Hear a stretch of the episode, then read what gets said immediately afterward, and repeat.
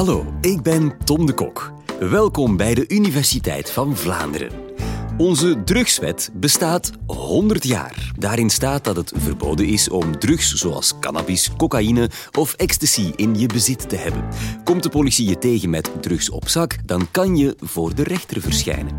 Maar de vraag naar illegale drugs was nog nooit zo groot en ook criminaliteit in de drugswereld blijft toenemen. En toen kregen we in onze mailbox de volgende interessante vraag van luisteraar Luc. Komt het eigenlijk dat in ons land cannabis en andere drugs verboden zijn, maar alcohol niet?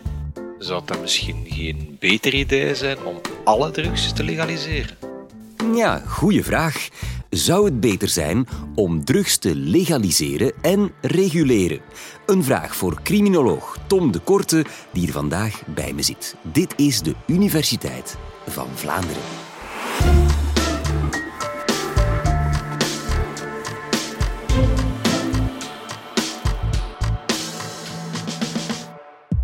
Op 24 februari 1921, dat is exact 100 jaar geleden, zag de Belgische drugswet het licht. We vieren dit jaar dus het eeuwfeest van de drugswet, die nog steeds de ruggengraat van ons drugsbeleid vormt. Maar jammer genoeg hebben we vandaag de dag heel weinig redenen om dat uitbundig te vieren. De drugswet is in een tijdspanne van 100 jaar hier en daar lichtjes aangepast, maar het kader van de wet is nog altijd identiek hetzelfde.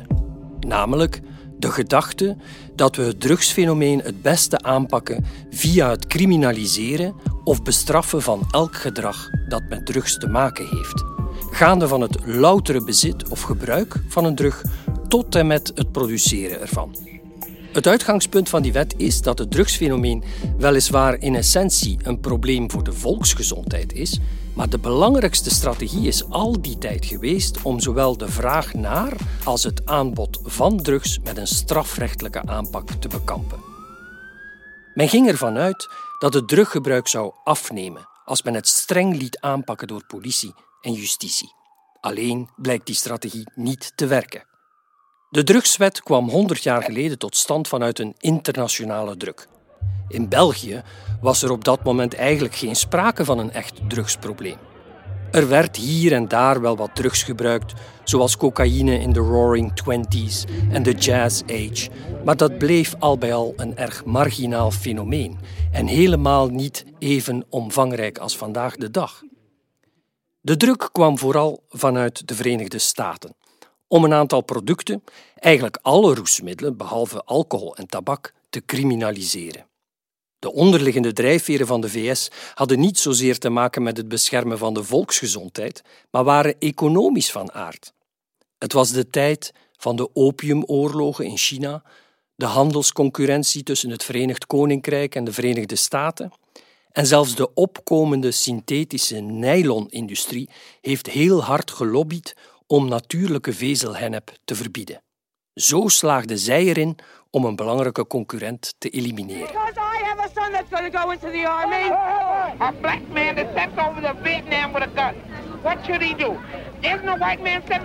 Maar er zat ook een racistisch scheurtje aan.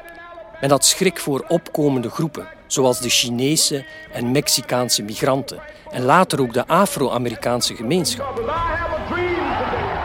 America's public enemy number one in the United States is drug abuse. In order to fight and defeat this enemy, it is necessary to wage a new all-out offensive. Zo is onder meer uit historisch onderzoek gebleken dat het team van president Nixon de War on Drugs in 1968 en de periode erna bewust heeft gebruikt om de twee belangrijkste vijanden van dat moment te kunnen aanpakken. De linkse betogers van de Vietnamoorlog en de zwarte gemeenschap. Een adviseur van Nixon verklaarde daarover later in een interview: We wisten dat we het niet illegaal konden maken om tegen de oorlog te zijn of om zwart te zijn, maar door de bevolking de hippies te laten associëren met marihuana en zwarte met heroïne en vervolgens beide groepen zwaar te criminaliseren, zouden we die gemeenschappen kunnen ontwrichten. We zouden hun leiders kunnen arresteren, hun huizen kunnen overvallen, hun vergaderingen kunnen opbreken en hen avond na avond kunnen belasteren op het avondnieuws. Wisten we dat we logen over drugs? Natuurlijk wisten we dat. Maar naast die economische en geopolitieke motieven leefde toen ook heel sterk de idee dat we via een repressieve aanpak wel tot een drugsvrije wereld konden komen, of in ieder geval zowel de vraag als het aanbod konden doen dalen. Als we zoveel jaren later terugblikken op de drugswet, blijft het bizar om vast te stellen dat men enerzijds aannam dat repressie geen goede tactiek was om tabaks- of alcoholproblemen uit te bannen, en tegelijkertijd geloofde dat het volledig verbieden van alle andere roesmiddelen wel zou werken. In de jaren 20 van de vorige eeuw, van 1919 tot 1933 om precies te zijn, hadden de VS immers geprobeerd om de productie en de verkoop van alcohol helemaal te verbieden en daarmee het alcoholgebruik en alcoholisme uit te roeien. Maar dat experiment met de drooglegging of prohibition in het Engels, liep falikant af. Op enkele jaren tijd ontstond een enorme zwarte markt met zelfgemaakte en erg gevaarlijke sterke drank, moonshine. En lieden als Al Capone werden rijk en machtig met het zogenaamde bootlegging, de illegale productie en smokkel van alcohol. Maar goed, toch geloofde men in die tijd dat men door de criminalisering van andere roesmiddelen het gebruik zou kunnen doen afnemen, het aantal afhankelijke gebruikers zou kunnen terugdringen en de criminaliteit en de overlast rond het fenomeen zou kunnen bedwingen. Nu, honderd jaar later, is de balans van die aanpak bijzonder teleurstellend. Wetenschappelijke onderzoeken en alle cijfermatige gegevens tonen hetzelfde beeld. Het gebruik van roesmiddelen neemt niet af, in tegendeel. De vraag naar drugs stijgt veeleer. Er dienen zich al maar meer mensen met druggerelateerde problemen aan in de gespecialiseerde drugshulpverlening. Er zijn honderden nieuwe illegale roesmiddelen bijgekomen en de klassieke drugs zijn al maar sterker en gevaarlijker geworden. Cocaïne is geëvolueerd naar crack, opium werd heroïne en later volgde een extreem gevaarlijk synthetisch opiaat, fentanyl. Amfetamine werd vervangen door methamfetamine en cannabisproducten bevatten nu twee tot drie keer meer THC, de psychoactieve ingrediënt in de plant, in vergelijking met 30 jaar geleden. Op een illegale markt leveren de sterkste, meest geconcentreerde drugs nu eenmaal de meeste winst op. Maar hoe sterker de drugs, hoe meer slachtoffers er vallen. Tegelijkertijd weten wij als criminologen dat een fundamentele paradox bij die repressieve aanpak voor een averechts effect zorgt. Uit wetenschappelijk onderzoek blijkt dat hoe harder en strenger een war on drugs wordt gevoerd, hoe winstgevender de illegale productie en handel de facto wordt. War on drugs? Zeg, we zijn Columbia aan het worden hier. Kijk naar de verschuiving dat wij niet alleen maar in distributie zitten van wat elders wordt geproduceerd, maar we worden zelf producent. België heeft niet alleen een cocaïneprobleem. We telen ook massaal cannabis en we produceren synthetische drugs op grote schaal. Criminelen kunnen de verhoogde risico's die ze moeten nemen verrekenen aan de klanten, de gebruikers dus, en worden almaar rijker en machtiger. De drugswet en de algemene filosofie van bestraffing creëren op die manier eigenlijk zelf het verdienmodel en de enorme winsten trekken al maar meer beroepscriminelen en have-nots aan. De middelen waarover de criminele groepen dankzij de drugsmokkel beschikken, zijn een veelvoud van de middelen die politie en justitie ooit zullen hebben. Zelfs al verhoogt de overheid regelmatig hun budgetten. De illegale drugshandelaren zijn altijd in staat om iedereen te corrumperen die ze nodig hebben om hun handel te faciliteren en kopen zich met hun zwart geld invloed in allerlei sectoren van de legale economie. Elke recordvangst of spraakmakende politieoperatie lijkt op korte termijn een overwinning, maar op langere termijn leiden ze enkel tot beter georganiseerde criminelen. En tot slot mogen we niet uit het oog verliezen dat de strategie van criminalisering en bestraffing ook bijzonder veel geld kost. Niet alleen worden heel veel middelen en personeel van politie en justitie ingezet in de strijd tegen drugs. Mijn collega Bruis de Ruiver en zijn equipe becijferden een aantal jaar geleden dat meer dan 60% van de totale overheidsuitgaven in zaken drugs naar de bestrijding door politie en justitie gaan. Maar het betekent ook dat al die mensen niet kunnen worden ingezet voor andere politietaken of in de bestrijding van andere criminaliteitsfenomenen, zoals familiaal geweld, woninginbraken of oplichting. Alleen al in Vlaanderen en alleen al door de federale politie werden in 2019 meer dan 10.000 processen verbaal opgesteld voor het loutere bezit van cannabis. En die moeten natuurlijk allemaal een gevolg krijgen of verwerkt worden. Onlangs nog verklaarde een Nederlandse toprechercheur die op pensioen ging dat de bestrijding van drugs de grootste werkverschaffer is voor politie en dat zij veel andere dingen zouden kunnen doen. De war on drugs valt dus niet te winnen, zolang we het verdienmodel voor criminelen in stand houden. Een nieuwe dag, een nieuwe aanslag in Antwerpen. Er is in het Antwerpse alweer een ontploffing geweest, opnieuw een granaat waarschijnlijk. Aanslag nummer 5 in evenveel dagen. Bovendien genereert die strategie een aantal ongewenste effecten die de zaken nog erger maken dan ze al waren. Het drugsbeleid zoals het vandaag wordt gevoerd is eigenlijk olie op het vuur dat we proberen te bestrijden. Het moet dus radicaal anders. In de wetenschappelijke wereld is daarover gaandeweg een consensus gegroeid. En ook in de wereld van de gespecialiseerde drugshulpverlening en preventie gaan al maar meer stemmen op voor een grondige hertekening van ons drugsbeleid, omdat de huidige strategie vaak de hulp aan gebruikers ondergraaft. En dan valt natuurlijk heel snel het begrip legaliseren. Voor veel mensen lijkt het een contra-intuïtief gegeven. Hoe kun je drugs bestrijden als je ze uit het strafrecht zou halen en niet langer bestraffen? Is legaliseren niet zo'n beetje de strijd opgeven? Of erger nog, als je drugs legaliseert, dan moedig je het gebruik toch net aan? Precies dat is het grote misverstand. En die foute interpretatie wordt door een aantal politici graag in stand gehouden. Juridisch technisch gesproken betekent legaliseren alleen dat je een fenomeen niet langer helemaal bestraft, maar dat je een aantal gedragingen uit het strafrecht haalt en mits een aantal randvoorwaarden anders gaat reguleren. Abortus was een tijd geleden in alle omstandigheden illegaal en dus strafbaar. Vandaag de dag kan het onder bepaalde omstandigheden. Homoseksualiteit was sinds de 13e eeuw in onze contraien strafbaar, zelfs met de doodstraf. Maar sinds de verlichting in de 18e eeuw en op basis van evoluerende wetenschappelijke inzichten werden homoseksuele gedragingen gelegaliseerd. Gelukkig maar. Wat cruciaal in dit verhaal is, is het eindproduct van een legaliseringsbeweging, namelijk de regulering of het wetgevend kader dat in de plaats van bestraffing komt. De wijze waarop je iets reguleert is natuurlijk bijzonder belangrijk. Want je kan een drug in dit geval heel strikt reguleren, zodat de toegankelijkheid ervan heel beperkt is. Of je kan een drug heel losjes reguleren, zodat het bijzonder gemakkelijk te verkrijgen is.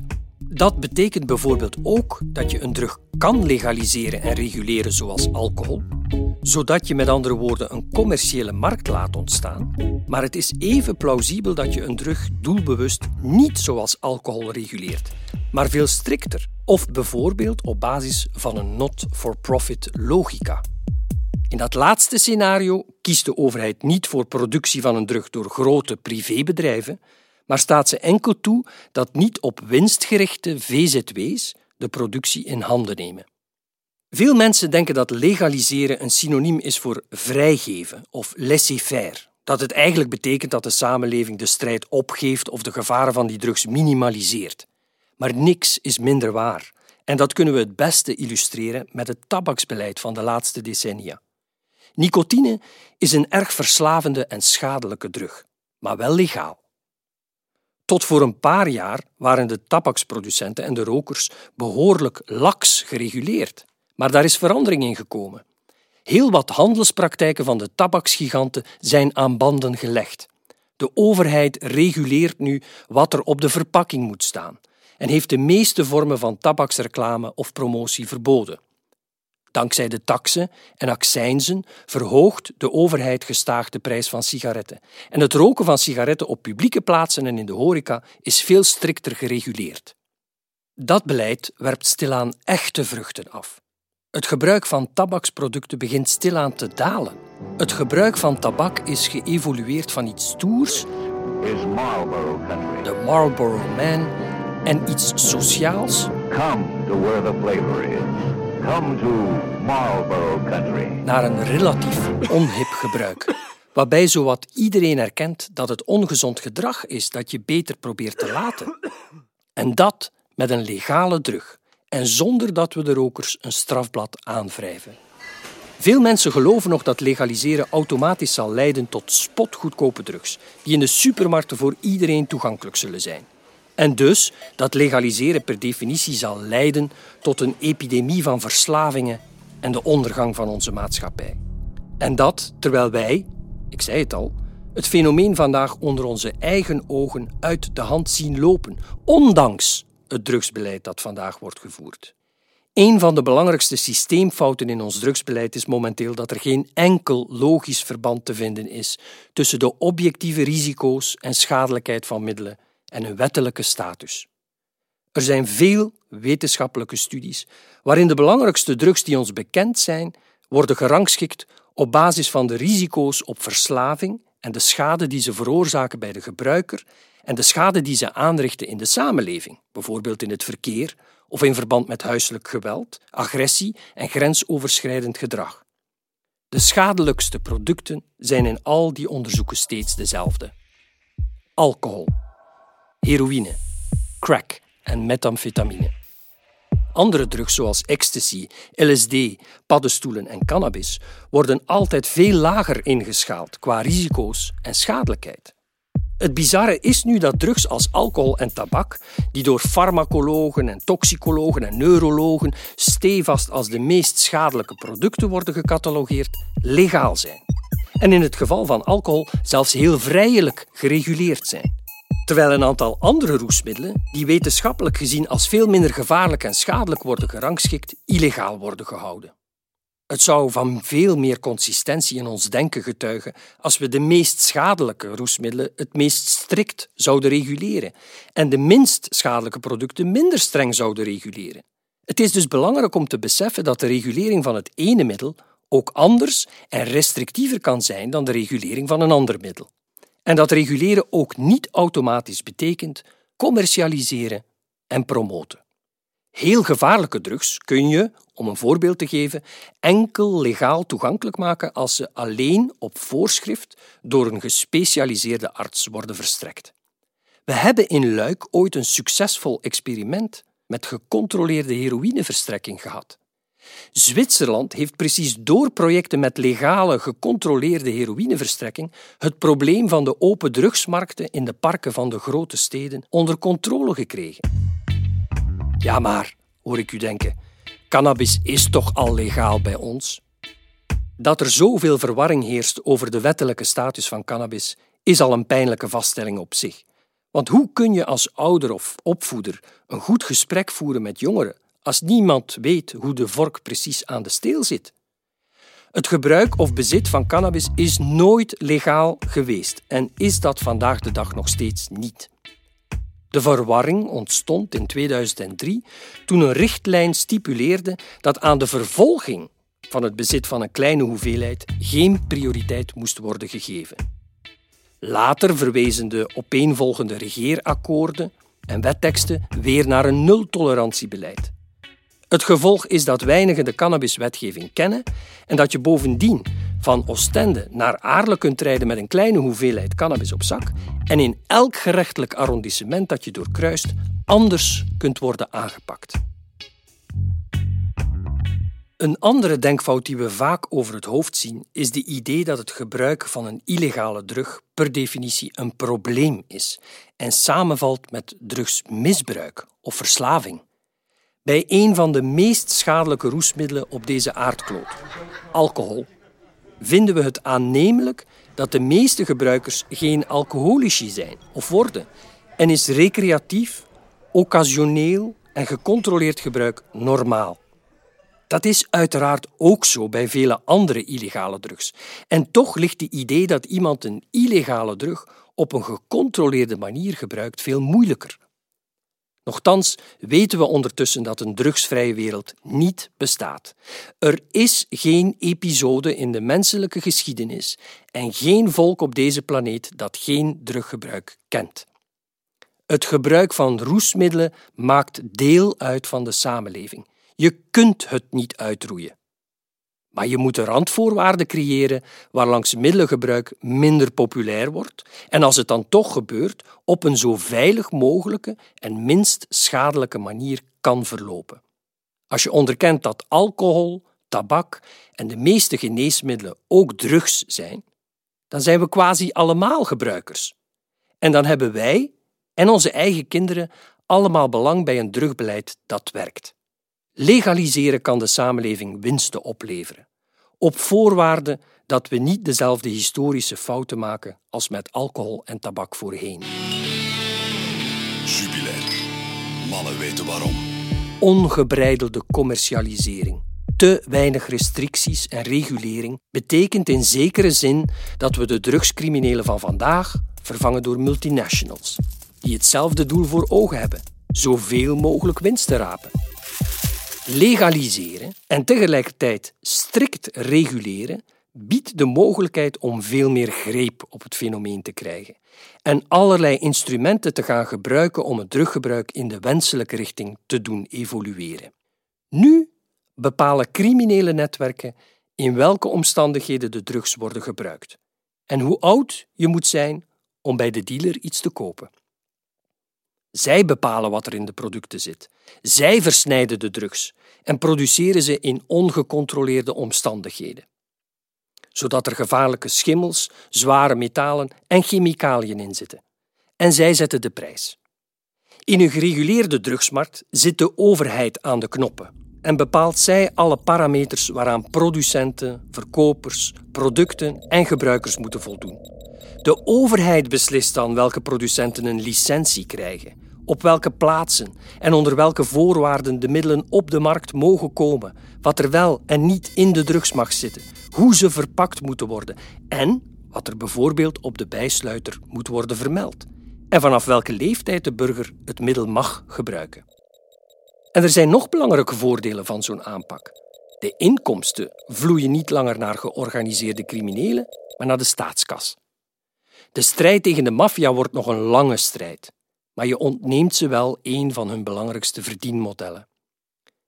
De schaarse overheidsmiddelen worden niet langer opgeslorpt in een schier oneindige war on drugs, maar ze kunnen besteed worden aan strategieën waarvan we wetenschappelijk gezien wel kunnen aantonen dat ze werken. Hulpverlening aan wie in de problemen komt en ontrading van het gebruik. Het drugsbeleid zoals we dat vandaag de dag voeren, levert heel wat druggebruikers een strafblad voor het leven op. Die extra rugzak bovenop het drugsprobleem blijkt vaak een handicap voor het leven bij het zoeken naar een job of een woning. Zo leren we uit tal van onderzoeksrapporten. Wij horen mensen met drugsproblemen ondersteuning te bieden in plaats van ze te bestraffen. De capaciteit van onze politie, onze justitie en ons gevangeniswezen kan worden benut voor andere vormen van criminaliteit en wordt minder overbelast. De roesmiddelen zelf blijven inherente risico's dragen, maar omdat de overheid bepaalt wat er wel of niet mag en hoe sterk ze mogen zijn, worden de producten veiliger. Sommige mensen denken dat het legaal maken van een roesmiddel automatisch betekent dat de stap om drugs te proberen veel kleiner wordt. Of erger nog, dat twaalfjarigen nog makkelijker toegang zullen kunnen krijgen tot drugs. Onderzoek heeft al lang uitgewezen dat minderjarigen vandaag de dag ook al makkelijk toegang hebben tot drugs, zelfs al zijn die nu verboden. En overigens ontzegt de wet bij legale drugs als alcohol en tabak ook de toegang aan minderjarigen. En belangrijker nog, er zijn honderden studies verricht naar het effect van een zogenaamde decriminalisering. Dat is het scenario waarbij je op zijn minst het gebruik en het bezit van een kleine hoeveelheid drugs niet langer bestraft of zelfs uit het strafrecht haalt. Telkens opnieuw is de conclusie dat zo'n decriminalisering van drugsgebruik niet leidt tot een grote toename. Nederland decriminaliseerde in de feiten al sinds 1976 de aanschaf van een kleine hoeveelheid cannabis. En er is in Nederland niet meer problematisch cannabisgebruik dan bij ons. Portugal decriminaliseerde in 2001 het bezit van kleine hoeveelheden van alle drugs, dus ook van cocaïne en heroïne. En de wetenschappelijke evaluaties zijn zo positief dat het Portugese beleidsmodel in wetenschappelijke kringen alom geprezen wordt als best practice. Dus, is het een goed idee om drugs te legaliseren? Ons drugsbeleid is al lang niet meer gestoeld op de wetenschappelijke inzichten van vandaag. En het wordt hoog tijd om dat recht te trekken. Veel politici erkennen dat ze maar geen greep krijgen op het fenomeen en dat de war on drugs niet te winnen valt. En toch schuiven ze de hete aardappel voor zich uit. Zijn ze bang om stemmen te verliezen of weggezet te worden als slappelingen die de strijd opgeven? Vinden ze het war on drugs betoog makkelijker om electoraal mee te scoren? Of hebben ze geen weet van de alternatieve pistes die op tafel kunnen liggen? Elders in de wereld worden de drugswetten die allemaal uit dezelfde tijd stammen en die trouwens voortvloeien uit internationale drugsverdragen, waarin die repressieve filosofie werd verankerd, wel op de schop genomen. Steeds meer landen hertekenen hun drugsbeleid op basis van de wetenschappelijke inzichten van vandaag. En ze doen dat ondanks het feit dat ze gebonden zijn aan die internationale afspraken. Vergeet niet, het debat over ons drugsbeleid is geen louter theoretische of intellectuele discussie, maar een van de meest urgente maatschappelijke problemen van deze tijd. Vijftien staten in de VS, ooit de grote promotor van de war on drugs, weet u nog, hebben de cannabismarkt gereguleerd. Uruguay en Canada, een van de G8-landen, deden het ook. In Mexico, Marokko, Zwitserland en tal van andere landen buigen de parlementen zich op een grondige manier over deze kwestie. Portugal, de Amerikaanse staat Oregon en heel recent ook Noorwegen beslisten om het bezit van kleine hoeveelheden van alle drugs te decriminaliseren. Al onze buurlanden, Nederland, Luxemburg en Frankrijk, sleutelen aan een nieuwe aanpak. In België daarentegen staat het thema weliswaar hoog op de politieke en publieke agenda, maar een parlementaire werkgroep die alle experten op het terrein beluistert en kennis neemt van de internationale wetenschappelijke inzichten, is er nog altijd niet. De oude wijn van de repressieve filosofie wordt in nieuwe zakken gegoten. De honderdste verjaardag van de drugswet geeft weinig aanleiding tot euforie. We verliezen steeds meer de greep op het fenomeen en van een drugsarme samenleving zijn we verder af dan ooit.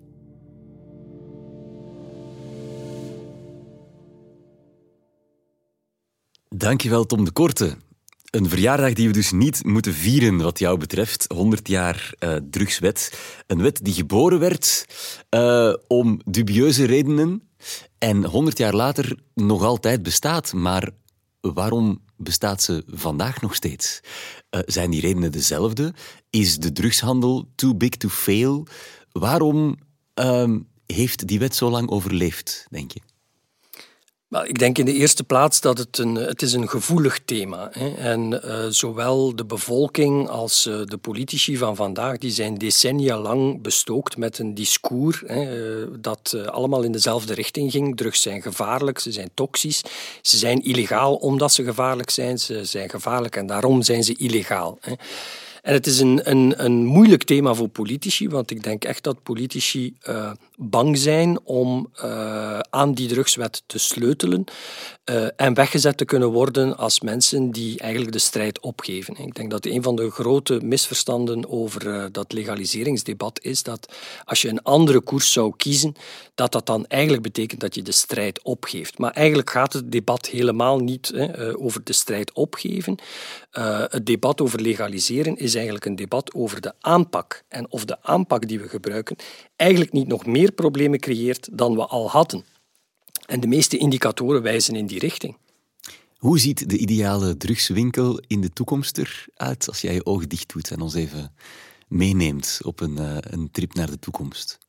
Wel, wat mij betreft is een, een, eh, een grote commercialisering uit een boze. Dat, dat zijn eigenlijk historische lessen die we uit het verleden kunnen trekken.